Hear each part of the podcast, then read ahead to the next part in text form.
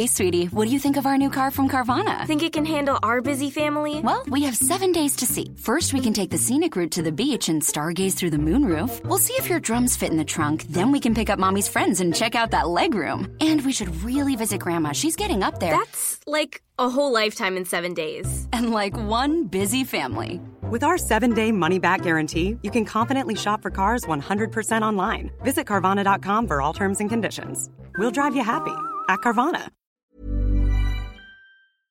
Hello? Hello? Podcast Network Asia. Hai, sekarang Stoikes ID sudah didukung oleh Podcast Network Asia. Buat teman-teman yang ingin mempelajari lebih lanjut tentang podcast atau kalian ingin tahu gimana caranya memonetisasi podcast, boleh banget loh kepoin dan ikuti media sosial Podcast Network Asia atau melalui situs web di podcastnetwork.asia. Dan untuk mempermudah proses monetisasi, daftarkan podcast kalian di podmetrics.co secara gratis.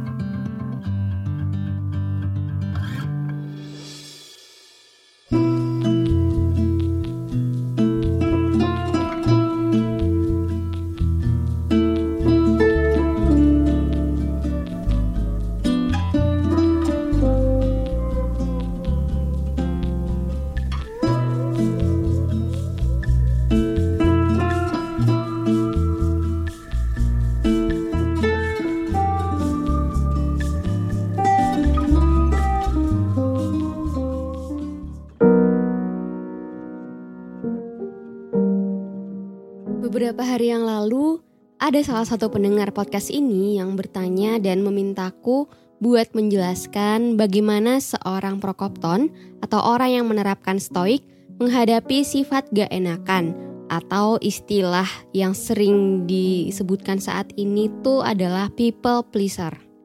Nah, pertanyaan ini tuh cukup menarik ya, karena kebetulan aku juga belum pernah bahas topik ini di Stoic ID. Jadi aku berterima kasih buat pendengar ini yang sudah memberikan topik ya dan meminta untuk membahas topik ini gitu. Oke, sebelum kita mulai bahas, jika teman-teman merasa podcast ini bermanfaat, jangan lupa kasih rating untuk Stoikes ID dan share podcast ini ke teman-teman kamu ya, agar Stoikes ID bisa menjangkau lebih banyak pendengar yang ingin mempelajari tentang stoikisme.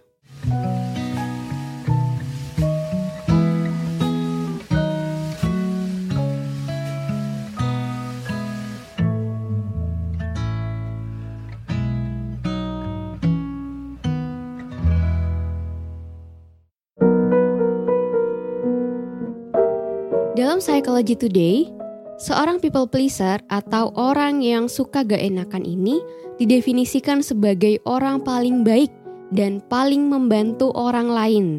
Gak pernah ngomong enggak, selalu dapat mengandalkan mereka untuk memberikan bantuan. Bahkan, mereka menghabiskan banyak waktu melakukan sesuatu bagi orang lain.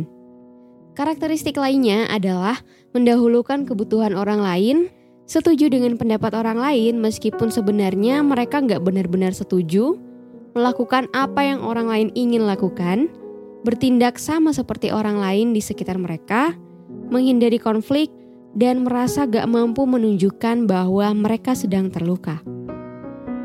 Lalu pertanyaannya, kenapa seseorang bisa menjadi people pleaser? Kenapa seseorang gampang banget gitu merasa gak enakan?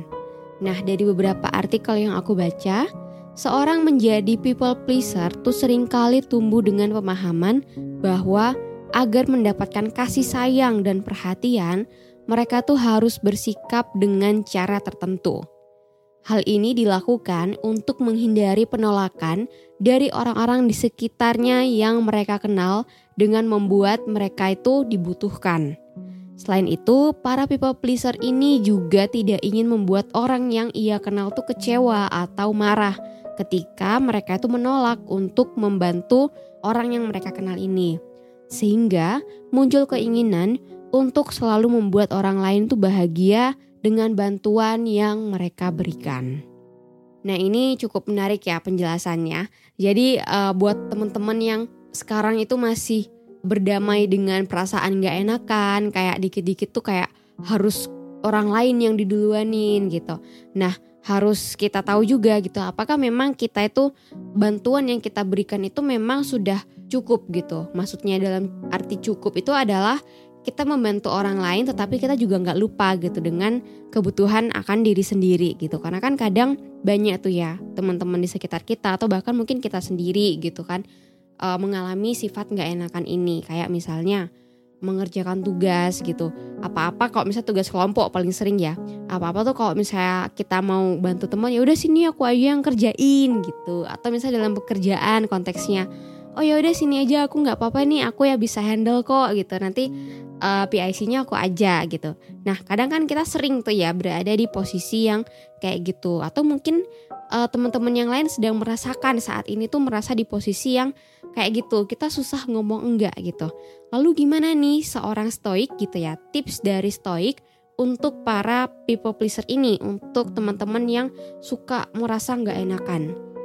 Nah yang pertama itu adalah belajar membuat batasan dengan dikotomi kendali Batasan itu penting buat para people pleaser, terutama ketika kita itu sulit ngomong enggak ke orang lain. Dalam dikotomi kendali, kita tuh belajar memahami mana yang bisa kita kendalikan dan mana yang berada di luar kendali kita. Ketika orang yang kita kenal itu meminta bantuan, kita punya kendali untuk mengatakan iya dan juga mengatakan tidak gitu kan. Dengan berbagai pertimbangan tentu saja, berdasarkan kondisi yang kita rasakan saat itu. Teman-teman bisa tanyakan ke diri sendiri nih, kalau aku bilang iya, apakah aku punya sumber daya yang cukup untuk membantu dia? Atau misalnya kalau mau bilang enggak, hal apa yang sedang aku prioritaskan saat ini sehingga aku harus mengatakan enggak gitu.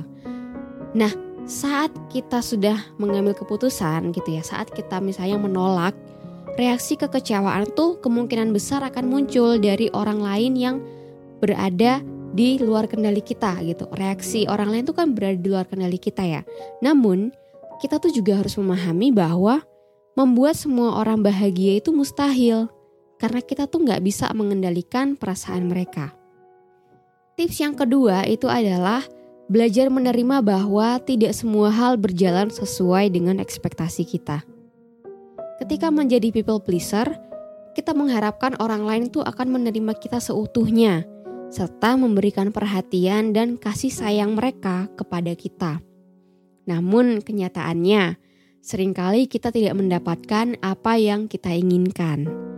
Nah dari sini, kita tuh juga harus belajar menerima bahwa gak semua hal yang kita lakukan untuk orang lain itu akan kembali dalam bentuk yang kita inginkan, seperti penerimaan atas diri kita, perhatian, kasih sayang, dan rasa terima kasih dari mereka. Yang ketiga, atau tips yang terakhir yang bisa aku berikan itu adalah belajar menganggap bahwa opini pribadi itu sama berharganya dengan opini orang lain. People pleaser tuh sering kali setuju kan dengan opini orang lain. Padahal sebenarnya ya mereka tuh nggak sepenuhnya setuju gitu. Jadi kayak masih bimbang, masih 50-50. Tapi ya udah mereka setuju aja gitu. Nah, hal yang membuat mereka kesulitan mengungkapkan opininya karena biasanya takut opini mereka tuh nggak berharga dan sulit diterima orang lain. Nah, menurutku selama opini itu diutarakan dengan cara yang baik, menggunakan kata-kata yang sopan dan tidak melanggar nilai atau norma sosial yang ada, opini yang diutarakan tuh akan sama berharganya dengan opini orang lain. Lalu ketika ada orang yang gak setuju dengan opinimu, kamu gak perlu merubah opinimu gitu, hanya agar bisa sama dengan opini orang lain kamu tetap bisa menerima ketidaksetujuan itu karena kamu paham bahwa cara berpikir orang lain tuh berada di luar kendali kita gitu. Jadi kalau misalnya kita punya opini yang berbeda, ya udah nggak apa-apa gitu. Dan kalau misalnya orang lain juga punya opini yang berbeda dari kita, ya ya udah nggak apa-apa juga. Toh mereka juga belum tentu setuju dengan opini kita gitu dan kita juga belum tentu setuju dengan opini orang lain gitu teman-teman. Sebagai penutup dan juga pengingat untuk para people pleaser ini juga pengingat untuk diriku sendiri. Ingat selalu bahwa ketika kita bisa menyenangkan orang lain, itu artinya kita juga bisa untuk berusaha menyenangkan diri kita sendiri. Oke teman-teman, sekian dulu episode Stoikas ID kali ini. Terima kasih sudah mendengarkan hingga selesai. Jangan lupa berikan rating untuk Stoikas ID dan share podcast ini ke teman-teman kamu ya, agar lebih banyak orang yang tahu dan mempelajari tentang Stoikisme.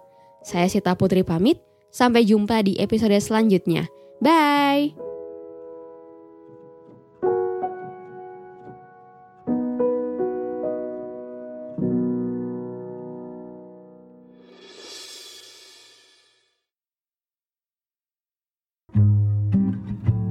Pandangan dan opini yang disampaikan oleh kreator podcast, host, dan tamu tidak mencerminkan kebijakan resmi dan bagian dari podcast Network Asia. Setiap konten yang disampaikan mereka di dalam podcast adalah opini mereka sendiri dan tidak bermaksud untuk merugikan agama, grup etnik, perkumpulan, organisasi, perusahaan, perorangan, atau siapa pun dan apa pun.